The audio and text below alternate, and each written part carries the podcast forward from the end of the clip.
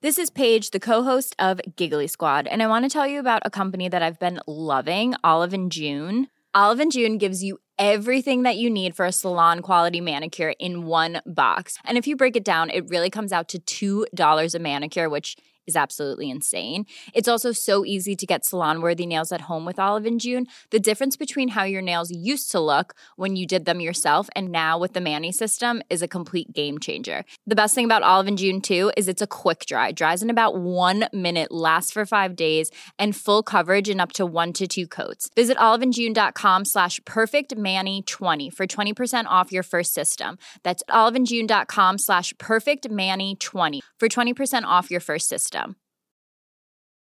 Ready to pop the question? The jewelers at BlueNile.com have got sparkle down to a science with beautiful lab grown diamonds worthy of your most brilliant moments. Their lab grown diamonds are independently graded and guaranteed identical to natural diamonds, and they're ready to ship to your door. Go to BlueNile.com and use promo code LISTEN to get $50 off your purchase of $500 or more. That's code LISTEN at BlueNile.com for $50 off. BlueNile.com code LISTEN.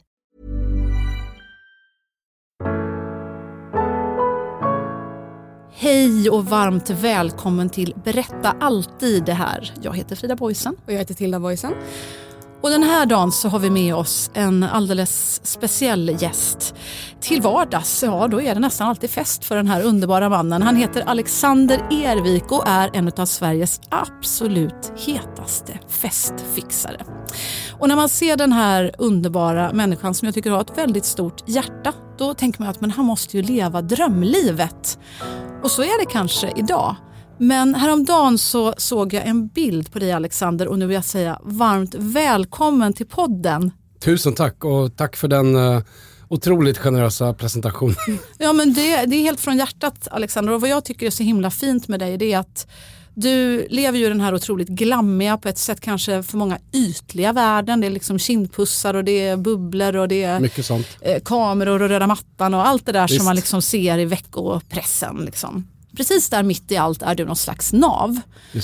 Men sen kan du vara otroligt äkta och naken i dina publiceringar i sociala medier. Jag tycker du, och jag vet att Tilda också tycker det. Att, ja, verkligen. Ja, men att du gör så en fin skillnad. Och jag, jag själv blev så gripen när, när jag såg den här bilden på dig som du postade för ja, ett gäng dagar sedan. Eh, och det är en bild på dig, jag kan berätta för dig som lyssnar. Det är alltså Alexander i svartvitt, ler sig sådär härligt, eh, snygg och fräsch ut.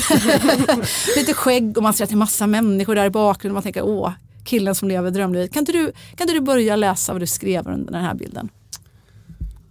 Vad tittar du på egentligen när du ser en selfie på Instagram? När den här bilden togs i oktober 2018 var jag svårt deprimerad sedan över fem år kunde jag inte hantera mina känslor och var oförmögen att ha sunda relationer. Spenderade jag större delen av min fritid i sängen med ett täcke över huvudet eller med att missbruka. Kämpade jag med ett tufft narkotikaberoende. Mindes jag faktiskt inte när jag var lycklig senast. Var jag utblottad och utmattad på alla tänkbara sätt mentalt, själsligt, fysiskt och ekonomiskt. Hade jag helt tappat kontrollen över min tillvaro tänkte jag dagligen på att jag inte ville leva längre. Otroligt starkt. Vad, vad känner du till det när du hör Det är väldigt gripande, precis som du var inne på. Det är väldigt naket och väldigt fint skrivet tycker jag.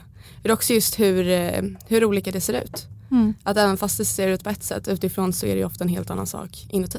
Mm. Visst är det så. Och särskilt när det gäller män skulle jag säga. Mm. Särskilt när det gäller män faktiskt. Precis, du skriver ju det lite senare att det är faktiskt dubbelt så vanligt idag att män tar sitt liv. Ja, bara, bara senast uh, förra veckan så träffade jag en, en vän till mig som vars bror också har kämpat med uh, missbruk och uh, psykisk ohälsa i, i hela sitt liv. Och han är 50 och han har gjort flera suicidförsök. Mm. Um, det är en ganska vanlig ålder, män över 50. Men också yngre män. Men nu ska, Men vi, nu ska vi börja med ja. dig Alexander. Vad hände då? När du var, om vi backar bandet till när den här bilden togs, oktober 2018. Du säger att du var svårt deprimerad sedan över fem år och du kunde inte hantera dina känslor och var oförmögen att ha sunda relationer. Och du var också i ett, ett, ett djupt missbruk skriver du. Berätta, vad var det som hade hänt? Hur hade du hamnat där? Alltså, man kan inte peka på en enskild sak egentligen. Men idag när jag har jobbat väldigt mycket med mig själv och min utveckling och jag är också, och är också clean så kan jag ju se det mönster som ledde fram till, till mitt missbruk och min psykiska ohälsa. Den psykiska ohälsan tror jag började mycket tidigare. Man får komma ihåg att eh, jag är född 76 och var liksom i början av 90-talet så var jag tonåring. Eh, och på den tiden pratade man inte om eh, psykisk ohälsa alls på det här sättet och speciellt inte bland, bland unga människor. Eller om unga människor. Så psykisk ohälsa fanns tidigt, missbruket kom in sent när jag var 25 och det som ledde mig in i missbruket det var ju en, en barndom som jag upplevde som kärlekslös och det, det var en, en icke-kommunikativ barndom. Alltså, det pratades aldrig om sex, det pratades aldrig om känslor, det pratades aldrig om någonting egentligen. Eh, och jag var ett väldigt uttrycksfullt barn och fick inget, inget, inget gehör för det. Liksom. Och det i sin tur ledde då till att jag var väldigt osäker och min osäkerhet ledde i, i, i, sin tur in till att jag inledde relationer med människor som, som inte ville mig väl. Min första relation i Stockholm när jag var 19 var ju extremt våldsam. Jag, det fanns också många grader av tvång in i saker som jag inte ville göra. Och, och det i sin tur ledde in i andra relationer som inte heller var sunda. Och slutligen då in i det här missbruket. Så att det är ju liksom mönstret. Och, och, bara för att backa bandet här lite grann, men, men när, när du pratar om sexualitet och sådär så då var du inte normen helt enkelt, eller hur? Nej. För, för du, du växte upp, vart, vart bodde du någonstans? I, I Värmland, i Charlottenberg. Jag bodde ja. några år i Norge också men större delen i Charlottenberg. Och då insåg du att, när, när insåg du att jag, jag gillar killar? Alltså jag kan se att, det, att man såg det på mig när jag var åtta typ. Mm. Alltså jag hade ju en queer period redan när jag var åtta. Jag tror att jag mm. skrev typ häromdagen på mm. Facebook att det var 14-15 men jag, sen kom jag på att det var redan var åtta. Mm. Jag satt som en tjej, alltså jag har aldrig haft någon eh, identitets, eh, jag tror att som alla barn så har jag haft eh, en identitetsfråga i mig själv. Men jag har nog aldrig funderat på om jag är född i fel kropp. Men jag var väldigt feminin redan som åttaåring så att jag visste nog väldigt tidigt. Men jag tror att när jag satte det som ett ord i mitt huvud så var jag kanske runt tio. Mm. För då kunde jag tycka så att den här fotbollstränaren vi hade var så himla ståtlig. Ja. Och jag, jag, förstod att det där, jag förstod att den där dragningen till den här fotbollstränaren, att det var någonting som skilde sig från, från mina kamrater. Men var det så att du kände, eh, när du insåg det, då, då ska, tänker man ju i en drömvärld så ska det bara vara något härligt, att man får tycka att någon är snygg och att det är underbart och att man liksom börjar upptäcka den delen av sig själv. Men, men då kände du liksom att du var vilsen eller kände nu, nu är det, jag är inte som alla andra eller du sa att ni inte pratade om sexualitet. Då kände du liksom, vad hände i dig? Alltså man formas utifrån liksom, de vuxna röster som man hör. Det fanns inget samtal om sexualitet, det fanns inget samtal om sånt i mitt, i, i, mitt, i mitt barndomshem. Men däremot så hörde man ju vad vuxna pratade om och jag vet att det pratades om liksom queer-personer på ett negativt sätt. Bland framförallt de manliga personer i släkten. Och det är klart att det var inte någonting som jag kände att jag kunde slänga upp på middagsbordet så här by the way. jag här har ni en livslevande homofil. Nej, Nej så, att det, så att jag, det var först när jag hamnade i fosterfamilj när jag var 14. Eh, det dröjde några år till faktiskt i den fosterfamiljen men jag, jag kom ut när jag var 17.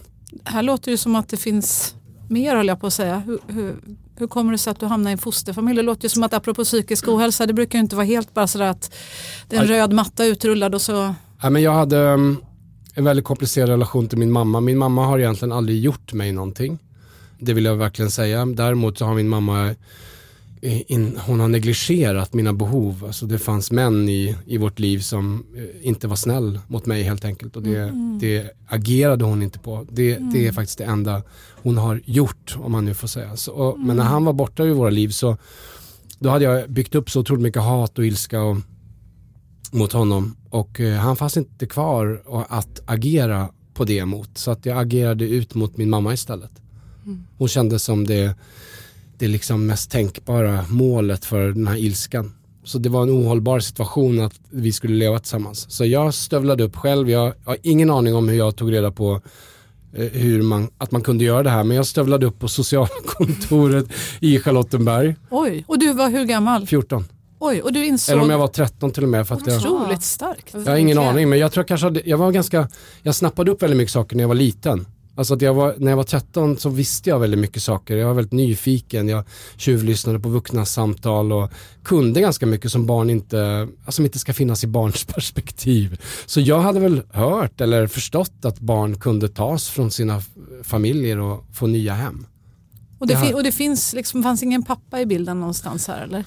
Under den här perioden fanns det ingen pappa i bilden men idag så har jag en väldigt fin relation med mm. min pappa. Mm. Um, så att, uh, men då fanns det inte det och då, jag kommer ihåg det här testet man fick göra, det här tog ju ett ganska bra tag, det tog säkert ett halvår tror jag från att jag gick stövla upp på det här kontoret tills dess att jag hade en familj.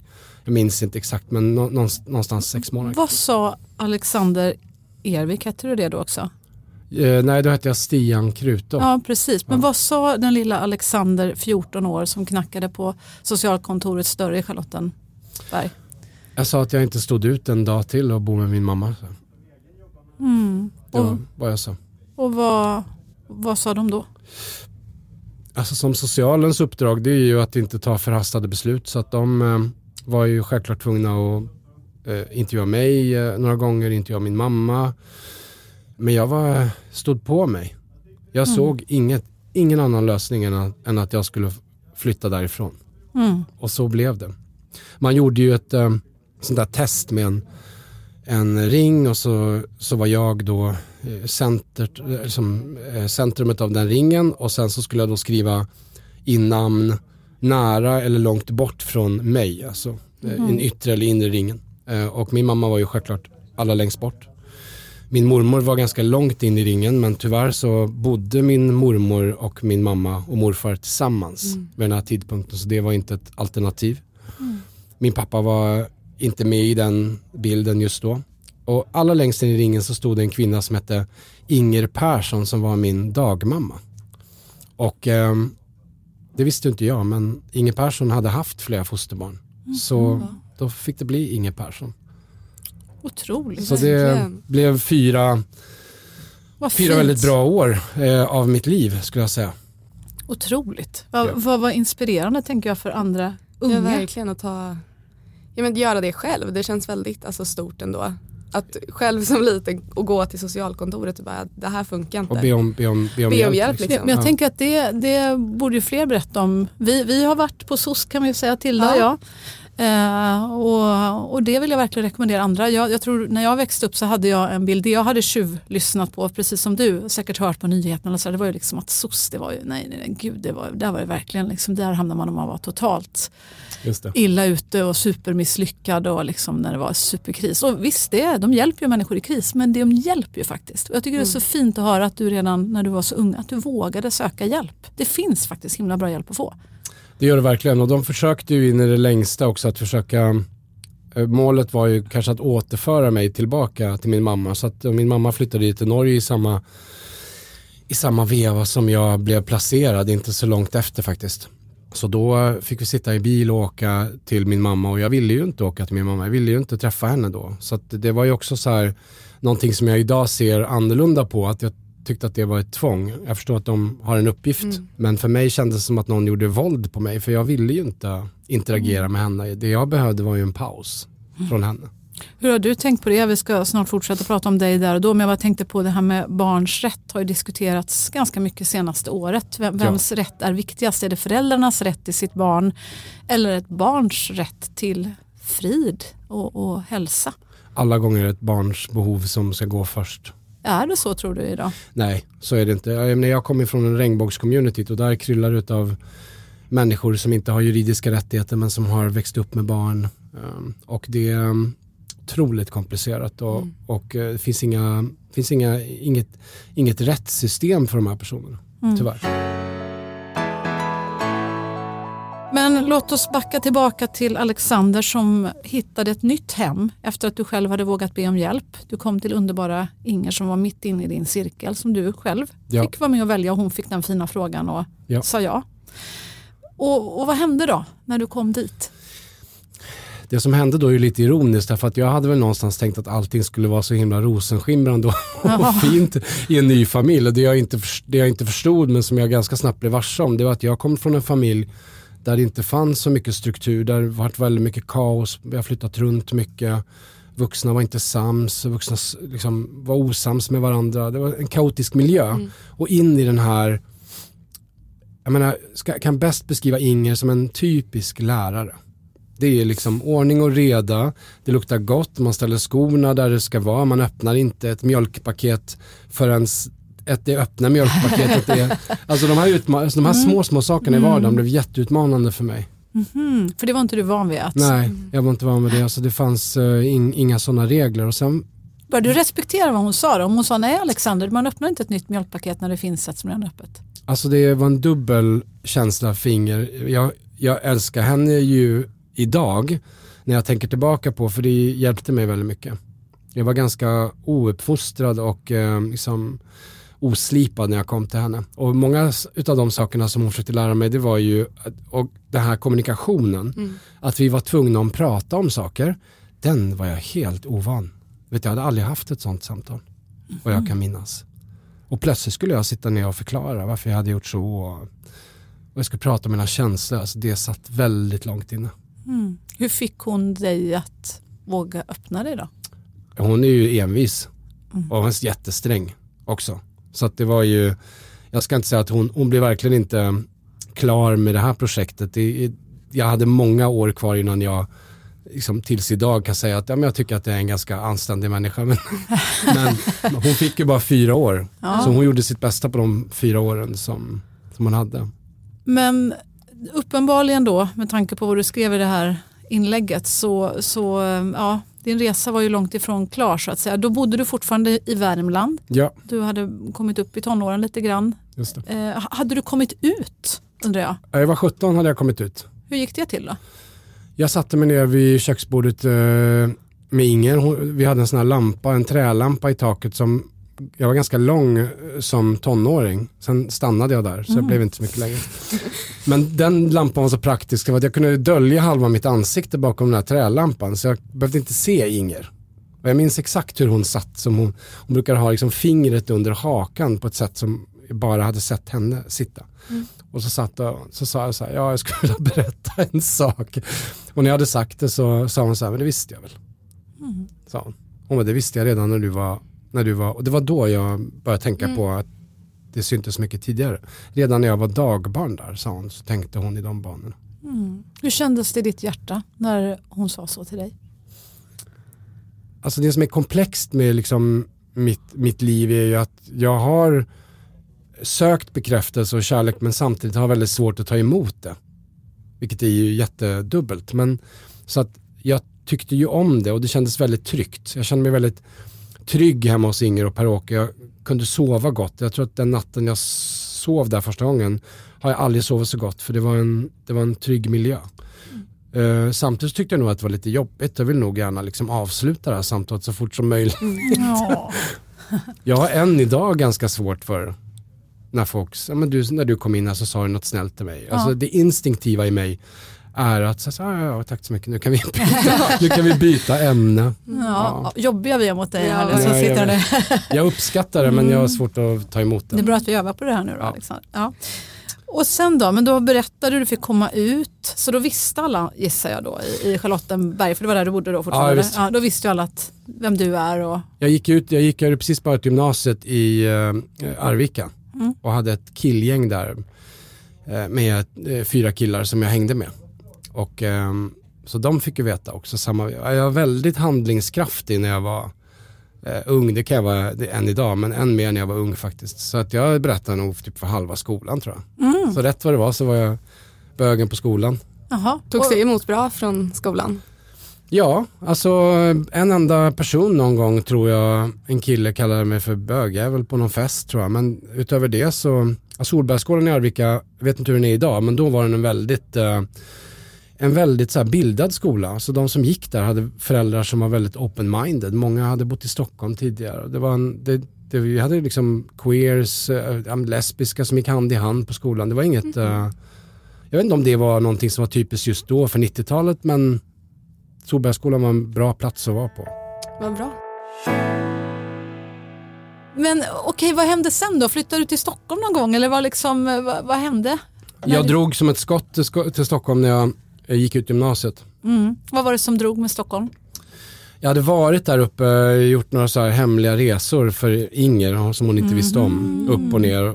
Alltså Inger, håll, finns Inger med oss fortfarande? Ja, hon finns. Ja. Ja. visst. Ja. Eh, och ehm, jag hade ringt Heta linjen.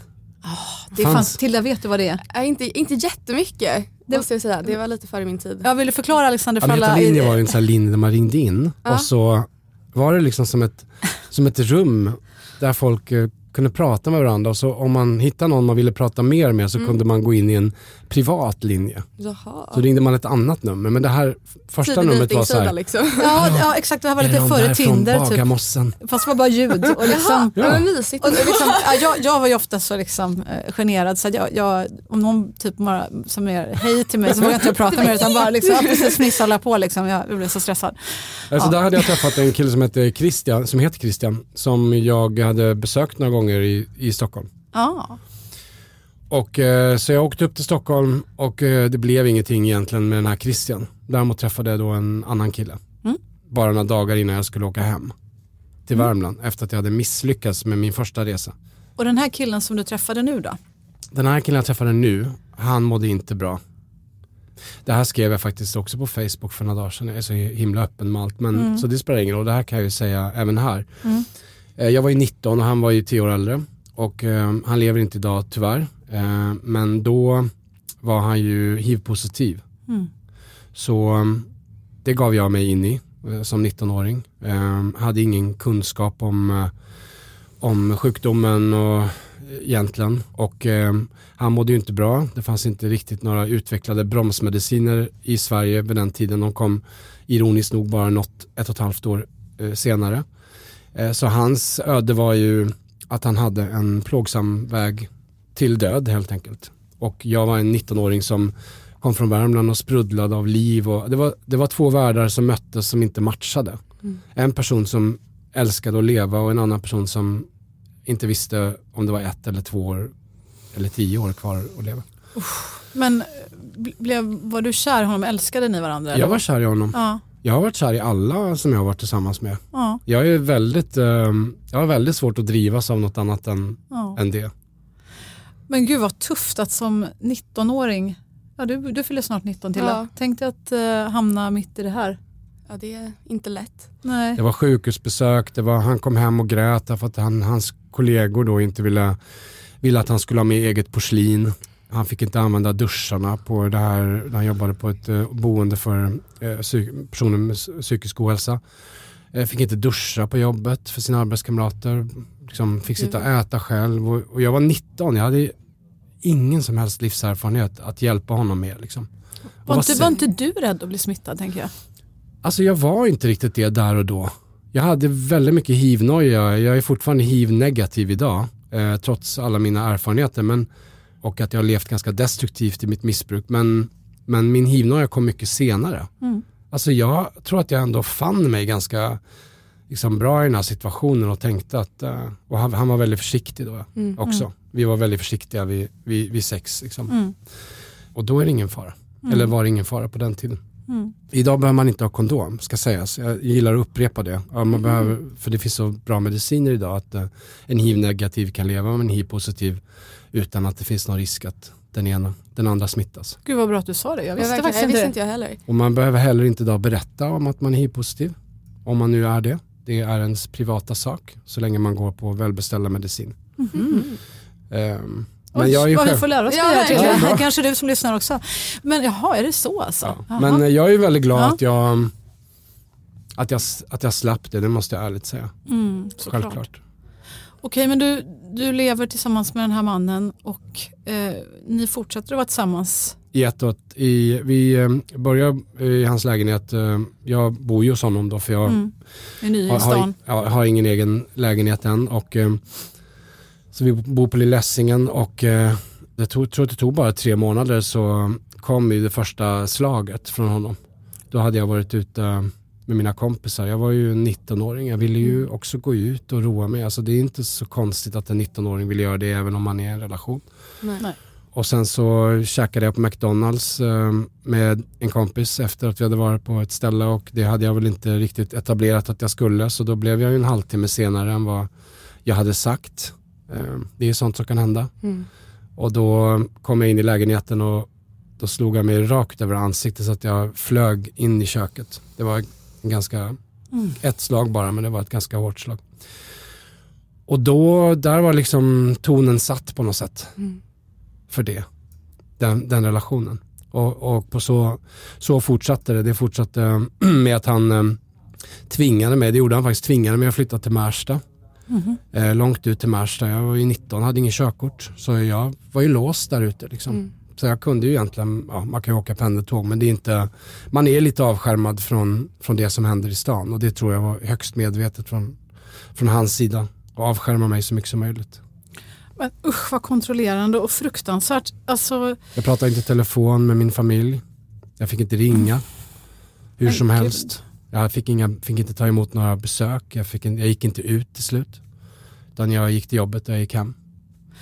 men oh, gud, alltså man tänker väl aldrig att man ska hamna i något sånt där när man hör andra människor berätta om det. Hur, hur, hur var det att vara i det där? Och liksom, varför gick du inte för första slaget som man ju tänker att man kanske ska göra? Alltså jag vet ju varför man inte går över första slaget. Därför att eh, å ena sidan så var jag lite så var jag ju ganska mycket i hans våld. Jag hade, bodde hos honom. Han hade ju också avskärmat mig liksom lite från, från mitt umgänge så jag hade inget jätteumgänge. Jag umgicks med en tjej som heter Annika som jobbade på mitt jobb.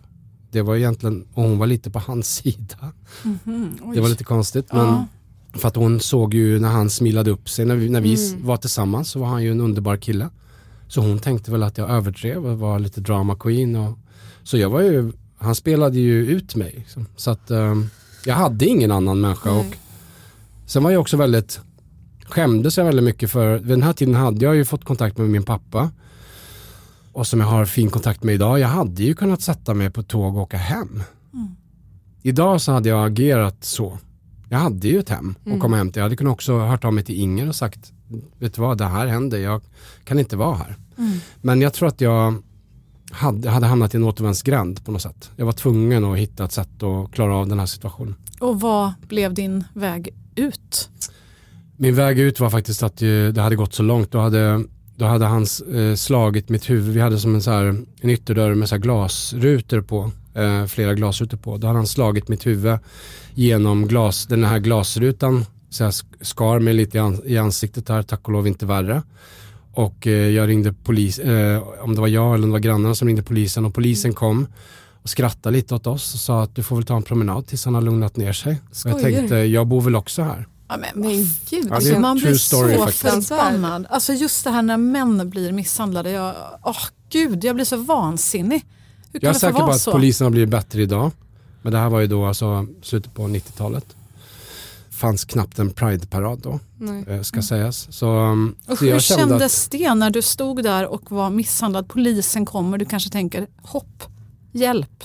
ja, de gjorde ingenting. Jag kände mig lite så här så gick det i linje med min uppväxt och min barndom så att jag var ingenting värd. så Det spelar väl ingen roll. På ett sätt så blev ju det här också en sorts bekräftelse på, på liksom, våld f- från barndom och att så här, ja, det är det här du, det här är din lott liksom. Mm. Och där kände jag att det hade gått väl alldeles för långt så att jag, jag förstod att det, det här kunde sluta med att jag dog. Liksom. Mm. Och i Märsta den sista månaden då kände jag mig också extremt isolerad faktiskt. Tror du andra såg på dig vad som hände? Det låter ändå som ganska kraftig misshandel här, livsfarlig misshandel som du talar om. Alltså de på jobbet såg ju, Alltså såg de blåmärken eller att ja du de var såg skadad? blåmärken. Frågade någon vad är det som händer? Ja och jag sa att ja, men jag är så klumpig. Mm. Jag, hade jag var ganska klumpig på den tiden så jag hade det som en så här grej jag kunde säga, ja, jag är så klumpig, jag har ramlat och slagit i en dörr. Eller, ja, det var mycket. Tror du grannarna hörde? Någon gång hörde de kanske då? Grannarna i det radhuset i Märsta var ju bland annat hans föräldrar. Jaha. Oh. Så att um, det var inte så mycket hjälp att hämta därifrån. Men i den här hopplösa situationen och också livsfarliga situationer. Du säger själv att du, du var rädd för att du kanske till och med skulle dö. Ja, Va, vad hände då?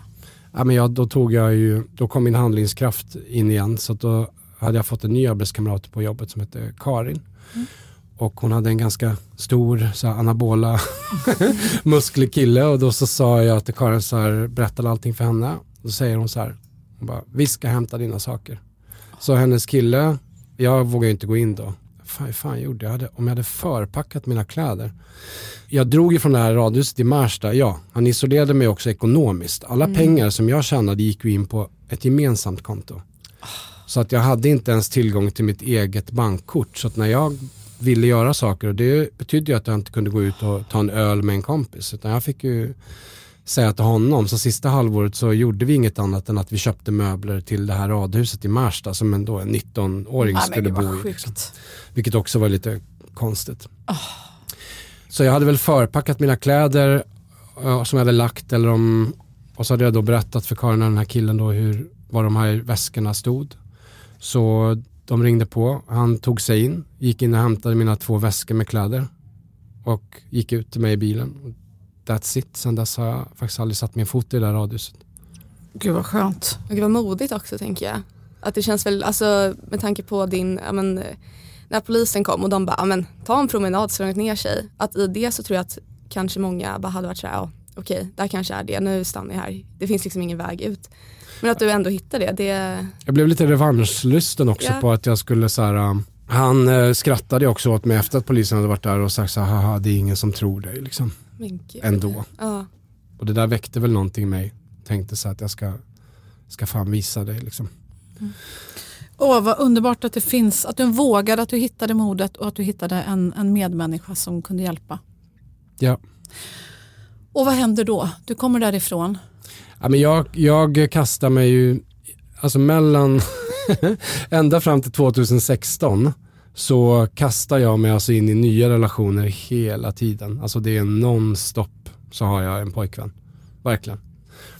Och jag ska säga att jag har haft bra pojkvänner sen dess. Eh, inte, inte superskärmiga alla gånger men, men jag har inte haft eh, en, några fler relationer som har varit våldsamma.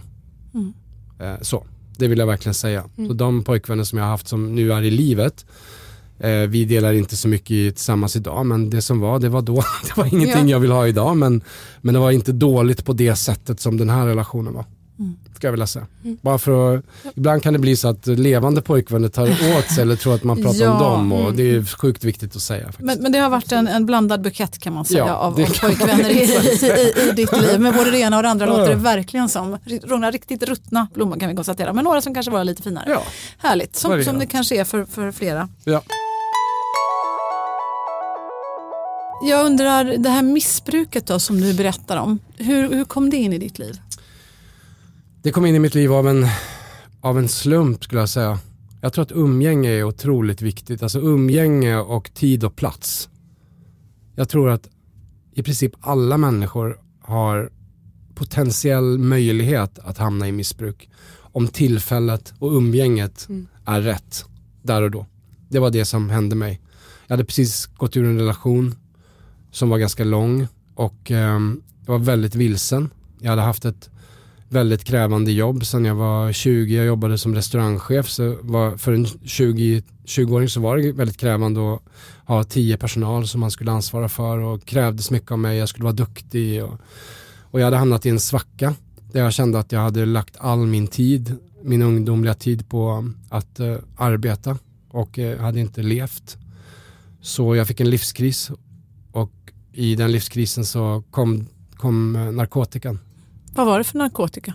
Från början var det väl amfetamin och sen så blev det eh, ecstasy och sen blev det kokain och sen det som mot slutet då som jag bara rörde ett fåtal gånger så var det crystal meth.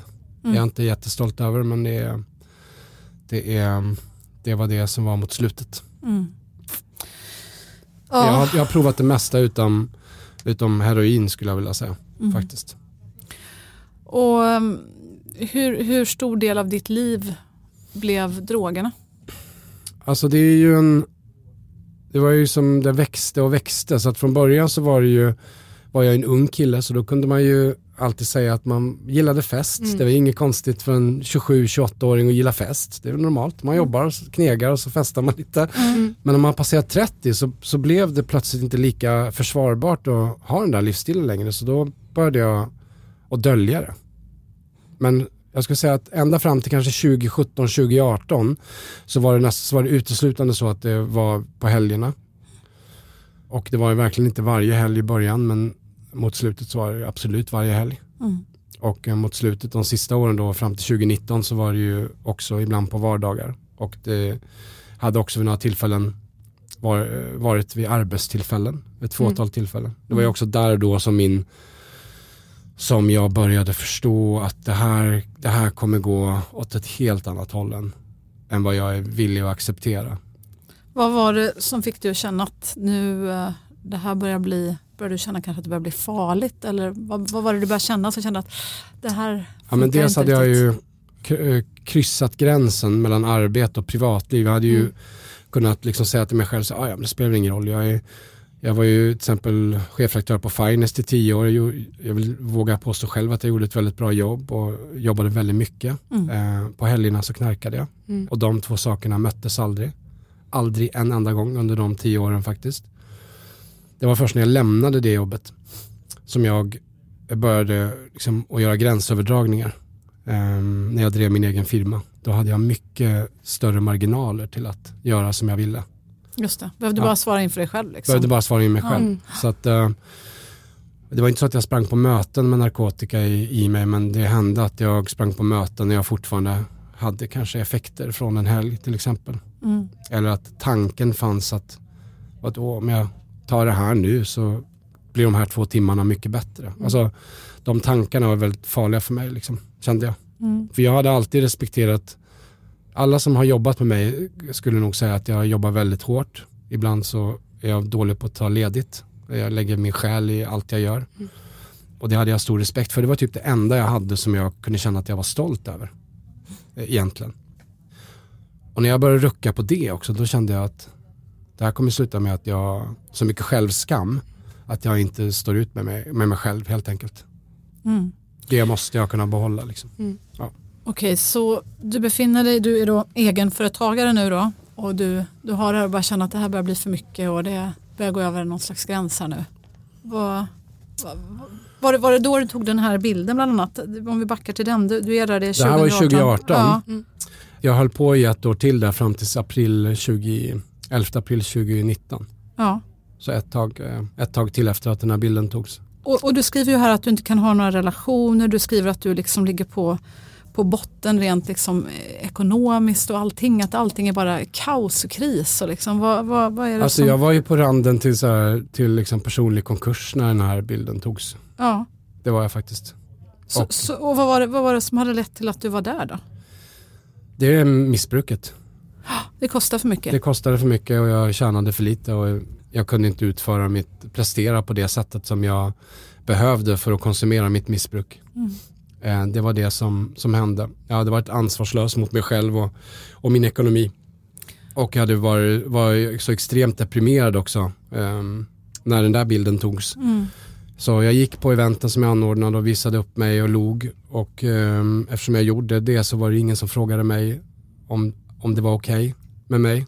Uh, de utgick från att det var det, som mm. människor gör idag. Mm. mm.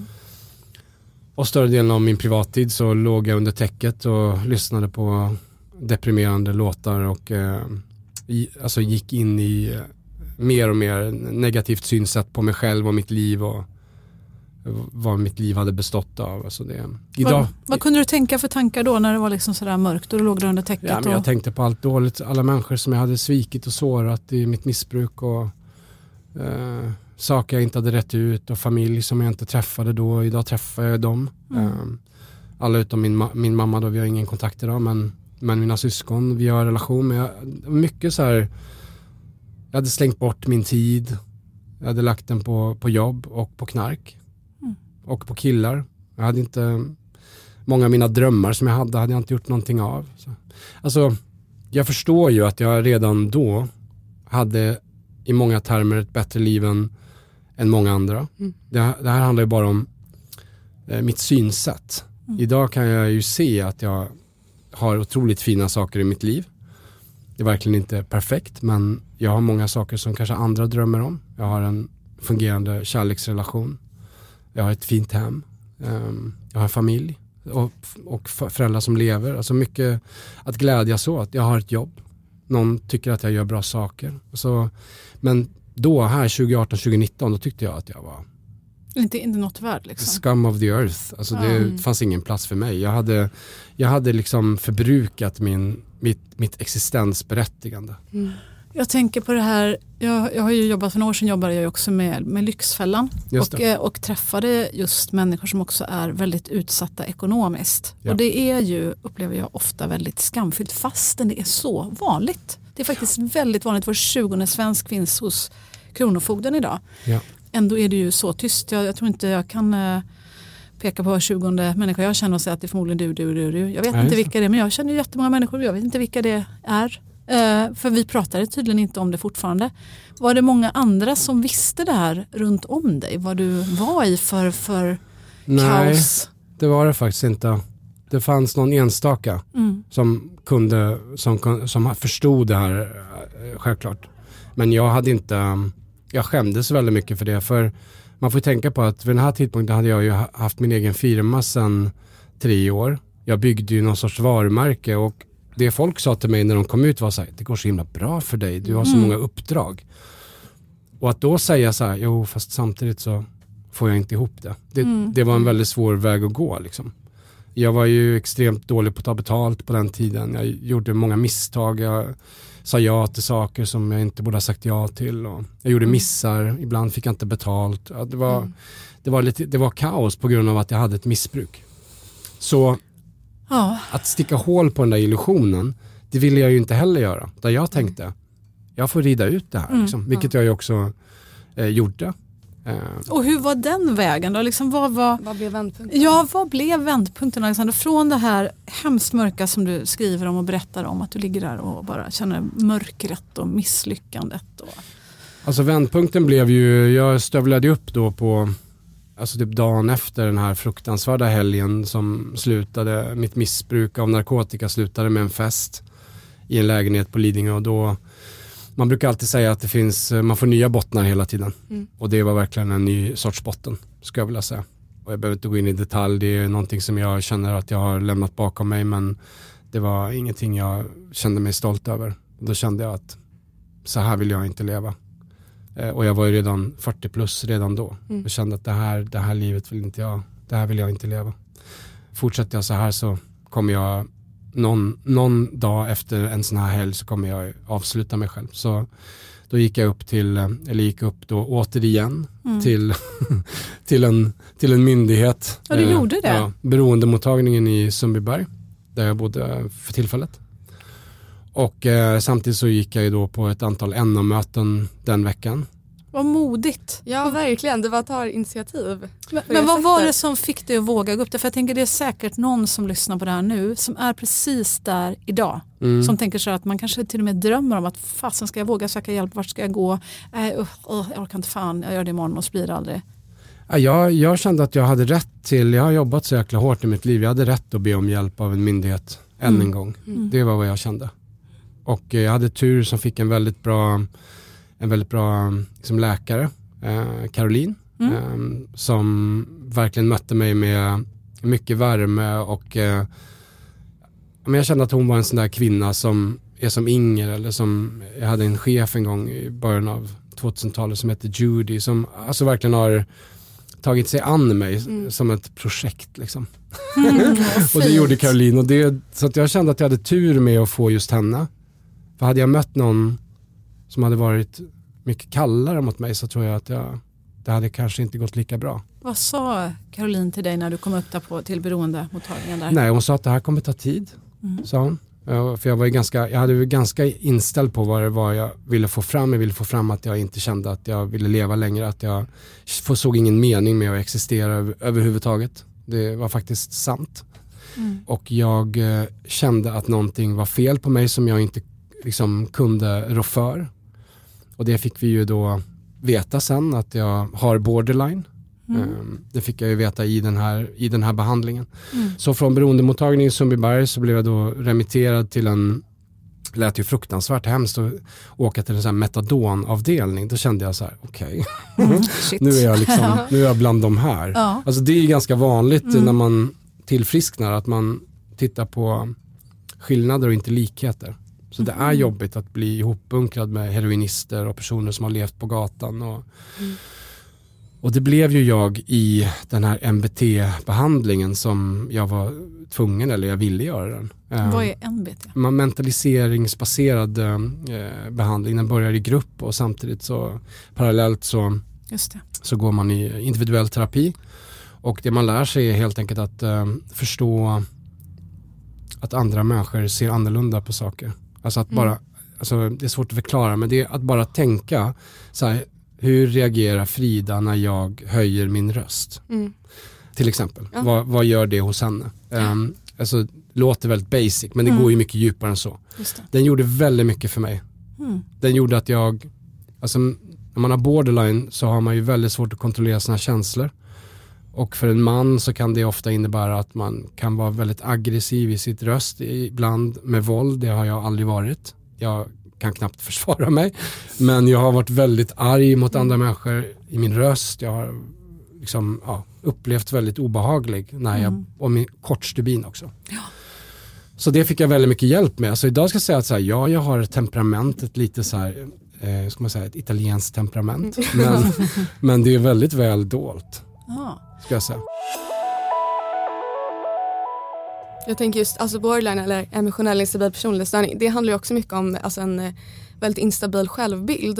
Att Ja. man, eh, ja, man ser sig själv på olika sätt, man vet inte riktigt vem man är. Hur har det påverkat dig? Har du jobbat med det? Jag har, jag har en, eh, en, en självbild som är av dubbel natur. Ibland kan jag tycka att jag är ascool och super. När jag var ung så tyckte jag var askaxig. Jag var ung och snygg och lite i smeten tyckte jag. och, och helt eh, distanslös. Och nästa sekund ska jag vara så här, alla hatar mig, jag är jätteful. Jag kan till och med se två olika bilder i spegeln. Beroende på dag. Mm. Jättekonstigt. Det är typiskt för borderline tror jag Ja, också. Ja, men det är just, just med självbild och hur man ser sig själv. Och... Har du också det? Ja det har jag. Nej, Ja, här sitter vi, två Här sitter ni. borderline babies. Ja. exakt. Ja, men fint att få mötas hörni. Men, men du har inte gått i någon MBT eller någon, Nej, alltså det, de har varit lite, alltså ja, det, det är lite svårt med väntekö, eller med köer och Ja, få rätt och sen visst. så missar man ett samtal för man väntar i typ ett halvår till. så är det. Så det, men eh, ja, de skulle ringa tillbaks för några månader sedan. Vi- får se hur det blir med det egentligen. Alltså, det jag tycker funkar för mig också, det är att ha ett lite så här, och jag är inte jättebra på att möta människor i, främmande människor i kollektivtrafik som är arga eller cyklister som cyklar. Det är min svaghet fortfarande idag. Där kan jag tappa det fullständigt. Faktiskt tyvärr. Ja. Men, men det ska vi bara tillägga, det gör väl Det- andra människor också. Jo men jag gör det på ett sätt som är liksom, man måste inte bli så arg Nej. Som jag blir. Har det varit den jobbigaste känslan för dig just att alltså, Ja. vara arg och Därför att människor som tycker om mig och som jag gör utfall mot, vilket Mm. ju sker aldrig nu för tiden. Dessutom vet alla mina närmsta vänner att jag har borderline och de förstår att mina känslor kan svaja. Mm. En annan grej som är typisk för borderline är att man kan älska folk ena stunden och nästa stund så tänker man att de är ens fiender och man Mm. hatar dem. ja, man splittar. Ja, Ja. splitta, precis. Men när man träffar främmande människor som man skriker jävla idiot åt, den människan kan man ju träffa sen Ja. i en rekryteringsprocess. Plötsligt sitter den och är på en middag. Och, vad, och jag kommer inte minnas den personen, men den personen kommer ju minnas mig. Precis. Så jag tycker den är jättejobbig. Man vet aldrig vem man möter och, och man vet faktiskt aldrig heller vad den människan som cyklar som en idiot har varit med om. Den personen Nej. kanske har fått ett cancerbesked på morgonen. Alltså det är det som är mentaliserande den här behandlingen går ut på. Att bara börja tänka, okej, här har vi någon som kör som en idiot som obviously inte kan trafikreglerna, men vad vet jag om Exakt. vad hans eller hennes eller hens ja, huvud är någonstans just nu. Mm. Det kanske är någon helt annanstans. Mm. Av okej skäl liksom. Ja, men jätteviktiga insikter eh, oavsett tänker jag, om man har borderline själv eller för oss som är runt er. Ja, men så att man kan liksom lättare förstå, hur kan jag, Ja. kan jag bli en, en bättre medmänniska eller familjemedlem eller partner till, Det kan jag säga är det ett tips på Ja, faktiskt. gärna. En grej som funkar väldigt dåligt på mig, det är att pressa mig i ett hörn. Mm. Alltså i, i en liksom, när man ska ge feedback eller så här. Vi Japp. måste ta det här snacket nu, alltså det funkar jättedåligt på mig. ja, Det är nästan ovärt att ta en diskussion så. jättedum Man måste ja. vänta in mig lite. Mm. Så det är ett bra tips.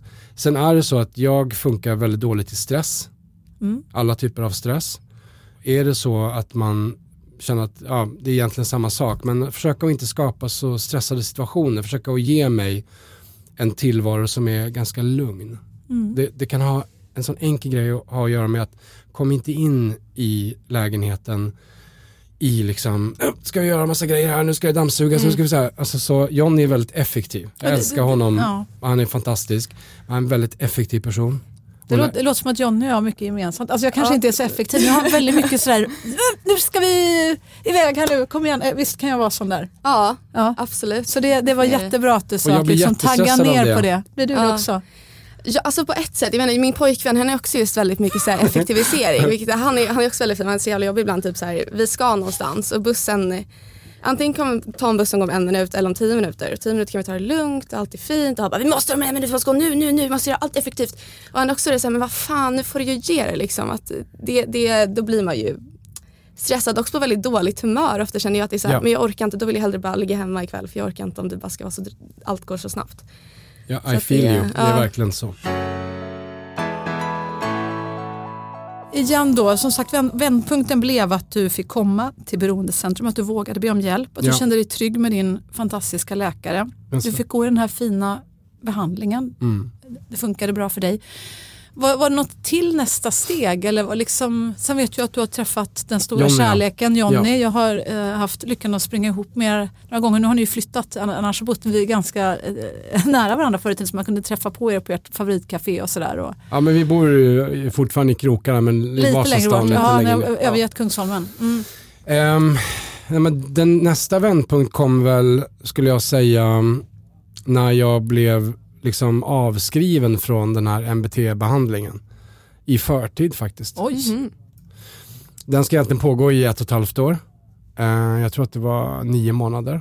förlåt men skedde den här liksom i, i eh, det offentligas regi på något vis? Eller? Mm. Var, var det dyrt? Kostade det mycket? Nej, det kostade, i- eh, jag betalade för mina läkarbesök. När, För jag var ju tvungen att, man är ju tvungen att kissa och, Mm. och, och visa att man inte använder droger och dricker alkohol under den behandlingstiden. Mm. Så det, jag tror att jag betalade för något, några läkarbesök per år. Men nej, det kostar ingenting i den benämningen. Det kostar tid, eh, ganska mycket tid. Det var ju två gånger i veckan som jag träffade den här gruppen. Plus då att jag skulle träffa Ballingt, alltså min psykolog. Mm. Så det tog väldigt mycket tid. Eh, och det var ju ibland så här, oh shit alltså orkar jag? Alltså, när man går in i de här, den här gruppterapin också så går man in i, i ett väldigt mörkt rum Mm.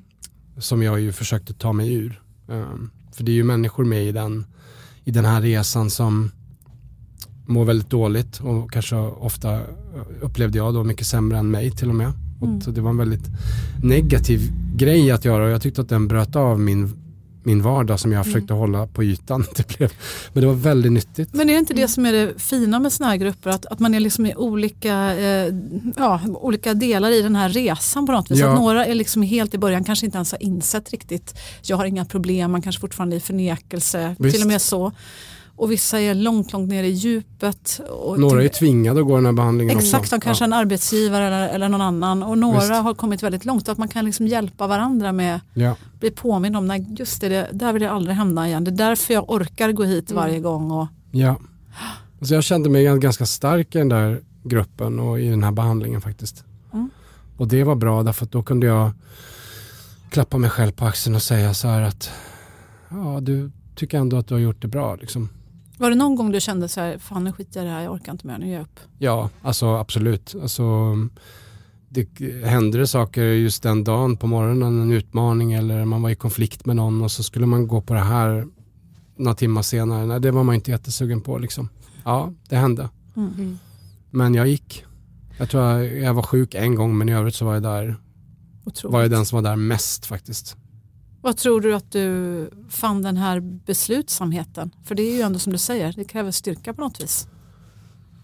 Alltså jag såg väl ganska klart och tydligt vad som och jag upplevde också att i, i mitt community, alltså regnbågscommunity så upplevde jag andra människor som jag hade mött i den här drogresan som ändå pågick i 15 år. Mm. Och jag såg eh, många som det gick väldigt illa för. Så det var ganska tydligt för mig åt vilket håll det här skulle gå om jag fortsatte. Liksom. Mm.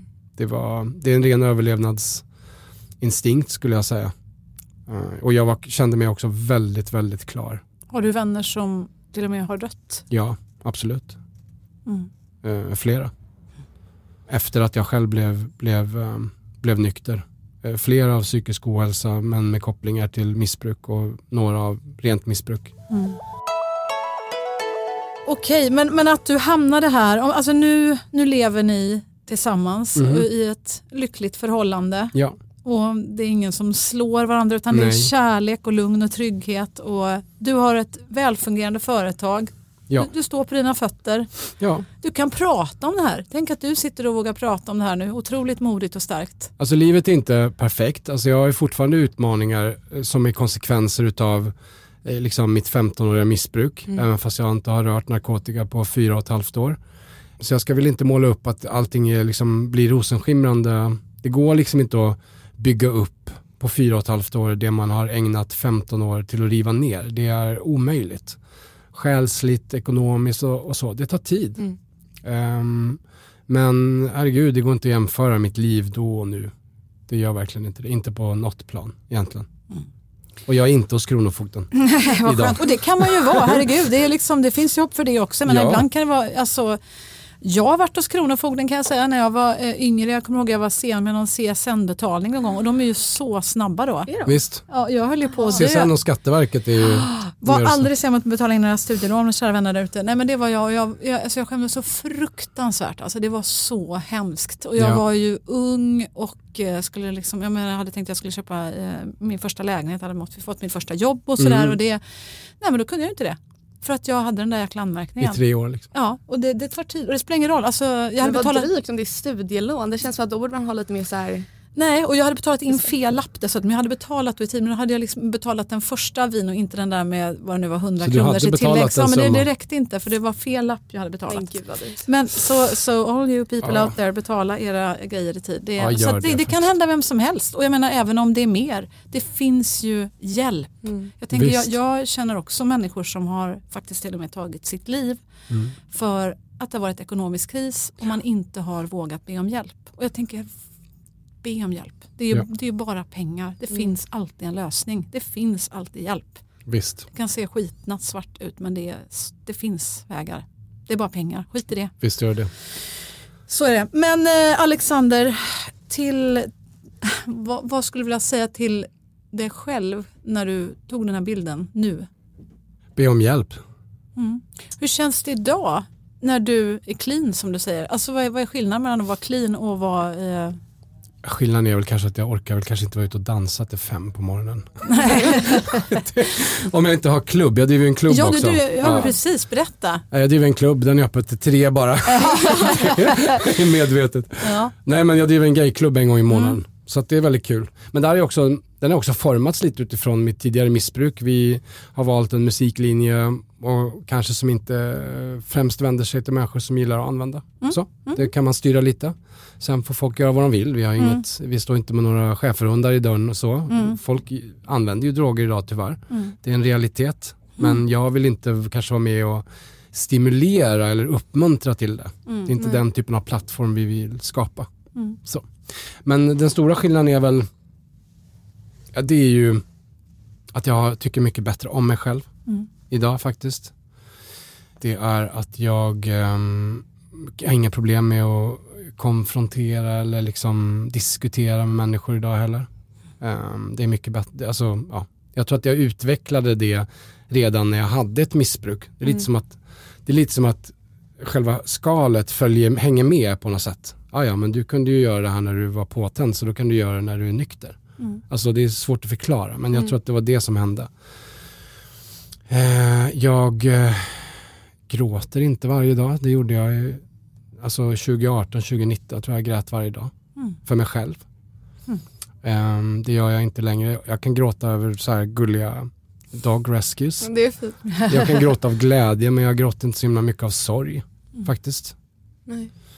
Eh, jag känner inte så mycket sorg längre. Och den här tomheten som jag hade när jag missbrukade den är inte obefintlig men jag har fyllt det där hålet med liksom, vänner, eh, en bra sund relation, våra hundar, familj som jag har fått eh, tillbaka kontakt med. Mm. Hur Så. var det förresten när du fick tillbaka kontakten med din far? Måste jag bara undra. Det är Ja. också viktigt. Ja men det var, väldigt, det var väldigt fint. Min pappa är en väldigt snäll person och ehm, det har jag inte alltid lutat mig mot tyvärr. Eh, men jag har ett väldigt liksom, tryggt och fint hem där med han och hans eh, fru som jag liksom, ja, på många sätt ser som min mamma idag. Men det var fint. Men det, ibland kan det bli så här, gud jag kan så lite om honom. Ja, därför att vi har missat så många år. Mm. Hur gammal var du när ni hittade tillbaka till varandra? Eh, det var ju under den här tiden jag bodde i fosterfamilj. Mm. Vi var väl separerade från, jag minns inte om, det, om jag kanske var från 8 till 12 eller 8, alltså en 4-5 år eller så där, så hade vi nästan ingen kontakt. Mm. Av olika anledningar. Och eh, inte för att han inte ville, utan för att han inte kunde. Mm. Um, så att um, det är jättefint. Mm. Jag, jag har alltid sagt att jag ska ringa hem på söndagar. Jag jobbar fortfarande på det men um, jag, är kanske inte, jag får väl inte något pris för Son of the year kanske men jag gör mitt bästa i alla fall. Du sa i början av vårt samtal att eh, det är så många eh, killar och män som, eh, som faktiskt tar sitt liv. Det är ju Ja. så, vi sa det inledningsvis att det är dubbelt så vanligt Dubbelt att, så många. att män tar sitt liv. Ja. Vad ska vi göra tycker du för att eh, se fler, hjälpa fler? Kanske om man är den som lyssnar nu som har sådana här mörka tankar, livsfarliga tankar eller om man är någon person som står bredvid. Hur ska vi göra? Vad tror du är viktigast? Alltså jag försökte ju, eh, jag ville ju framförallt hitta en, en, någon form av samtalsterapi eller någon grupp som var liksom för hbtq-män som mådde väldigt psykiskt dåligt och jag kan säga att utbudet är väldigt dåligt. Det finns en manslinje och en mansgrupp, alltså, men det är helt omöjligt att, att komma in där. Ehm, så först och främst så måste det, alltså man måste förstå att det, det är jätteladdat för vissa män att sitta och prata ut tillsammans med kvinnor eller till och med ens i grupp eh, för en del. Så att det måste finnas mer konkret hjälp och den kan inte ta ett år. Det är Nej. liksom inte, jag, jag hade tur därför att jag hade ändå motivation och vilja eh, att med väldigt, som säger, väldigt små ljusglimtar längs vägen kunna hålla i mig ett år tills jag fick den här borderline-diagnosen. Men alla har inte det. Alla, vissa har inte en vecka. Nej, Så det är där, men sen, och det är ju konstgjord andning. Vi måste ju börja med att ge män möjlighet att prata om känslor tidigt. Det är, sitter långt inne för många människor, för många män att gråta. Hur gör du då som har övat dig mycket på de här de- senaste åren, suttit och lagt timmar varje vecka på att sitta med andra människor. Berätta för den som lyssnar som inte vet hur man gör. Om man är så här osäker och tänker fast jag ser att min kollega mår nog inte bra egentligen. Vad ska man säga? Och så säger man men hur är läget? Och så säger den jo det är bra. Va, va, va, vad ska man mer säga? Man måste fråga flera gånger. Ja. Man måste fråga flera gånger och så fort som man ser en tillstymmelse till att man nästan öppnar den där nöten så kan man kanske konfrontera lite. Du, jag, Mm. jag, jag har förstått att inte saker är bra och det är helt okej. Alltså ladda med kärlek och få dem att känna att Alltså det är ju de som frågade mig, de frågade någon gång och så tänkte de, ah, ja det är väl bra, han hör väl av sig om det är något. Alltså jag var så stark i min approach så att det var liksom jättesvårt för dem att fatta att jag låg hemma och grät varje dag. Fråga flera gånger, man måste poka på den där nöten tills den öppnar sig. Ja, Alexander, vi är så himla glada att du eh, är så öppen. Fortsätt berätta som du gör. Du, du, jag tror du hjälper så många. Vad säger du till det? Ja, verkligen väldigt inspirerande historia måste jag säga. Ja. Tack. Ja, verkligen. Du ger hopp. Hoppas att du som eh, lyssnar eh, verkligen kände hopp. Och Alexander, jag har sagt du måste skriva ännu mer. Du Ja. måste berätta ännu mer. Du är självklart välkommen hit tillbaka eh, när du vill. Och, eh, annars tycker jag man ska följa dig i sociala medier för du bjuder ofta på en väldig äkthet och närhet i, i det du skriver. Vad kul, jag tycker det är viktigt när man målar upp en Alltså de här fragmenten av Jonny och hundar och glädje och fest och så här, de, de finns ju. Jag har inte liksom bara hittat på dem. Men de är ju inte, det är ju inte liksom hela livet och då därför tycker jag det är otroligt viktigt. Jag känner att jag har lite ansvar också att inte hamna i, i ett sånt läge där jag blir en person som bara målar upp att allting är glassigt. Mm. Man ska kunna relatera till mig också Mm. eh, och känna att jag är en människa. Ja. Och förstå också att om, om man vill leva som jag så absolut, det är klart att det går. Men Mm. den här vägen har jag gått. Det är inte så himla enkelt. Precis, du har ju en erfarenhet av regnbåge i ditt liv tänker jag. Men En palett av... Um, det finns ju liksom både sol och moln och regn i allas våra liv. Och, och så modigt att du, du vågar lyfta de dagarna som inte, verkligen inte har varit bland de ljusaste. och det bästa, det tycker jag är att när jag var 20 så hade jag väldigt svårt att ha förståelse för andra människors känslor, för deras lidande, för att saker inte är så lätt. Det är inte bara så här, men kom igen, gör det bara. Som var jag som 20-åring, jag föraktade svaga människor, mer eller mindre. Idag gör jag inte det. Idag förstår jag och respekterar att svaghet kan drabba alla. Det drabbade ju mig i många år, vilket jag aldrig trodde. Så det är den största gåvan tror jag, att kunna känna med andra.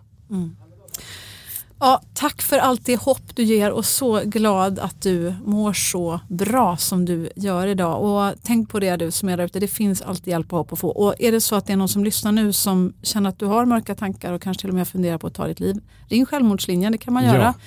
90101, är det akut, ring 112. Några sista ord av hopp du vill skicka med till den som lyssnar Alexander? Allting löser sig. Om du bara jobbar för det. Det har jag lärt mig i alla fall.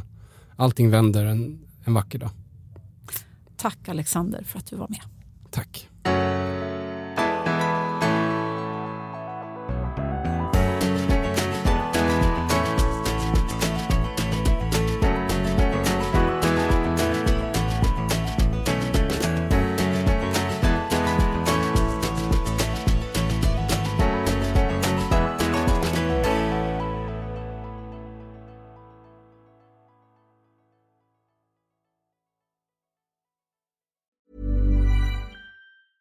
Mom deserves the best, and there's no better place to shop for Mother's Day than Whole Foods Market. They're your destination for unbeatable savings, from premium gifts to show-stopping flowers and irresistible desserts. Start by saving 33% with Prime on all body care and candles. Then get a 15-stem bunch of tulips for just $9.99 each with Prime. Round out Mom's menu with festive rosé, irresistible berry chantilly cake, and more special treats. Come celebrate Mother's Day at Whole Foods Market. Even when we're on a budget, we still deserve nice things.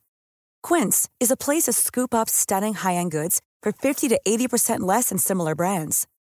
They have buttery soft cashmere sweaters starting at $50, luxurious Italian leather bags, and so much more. Plus, Quince only works with factories that use safe, ethical, and responsible manufacturing. Get the high-end goods you'll love without the high price tag with Quince. Go to quince.com slash style for free shipping and 365-day returns.